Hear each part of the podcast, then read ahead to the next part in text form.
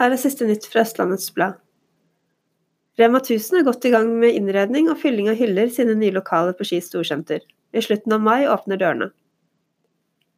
En mann fra Frogn ble i slutten av mars fengslet for å ha opptrådt svært utagerende på en buss hvor det var flere skolebarn om bord.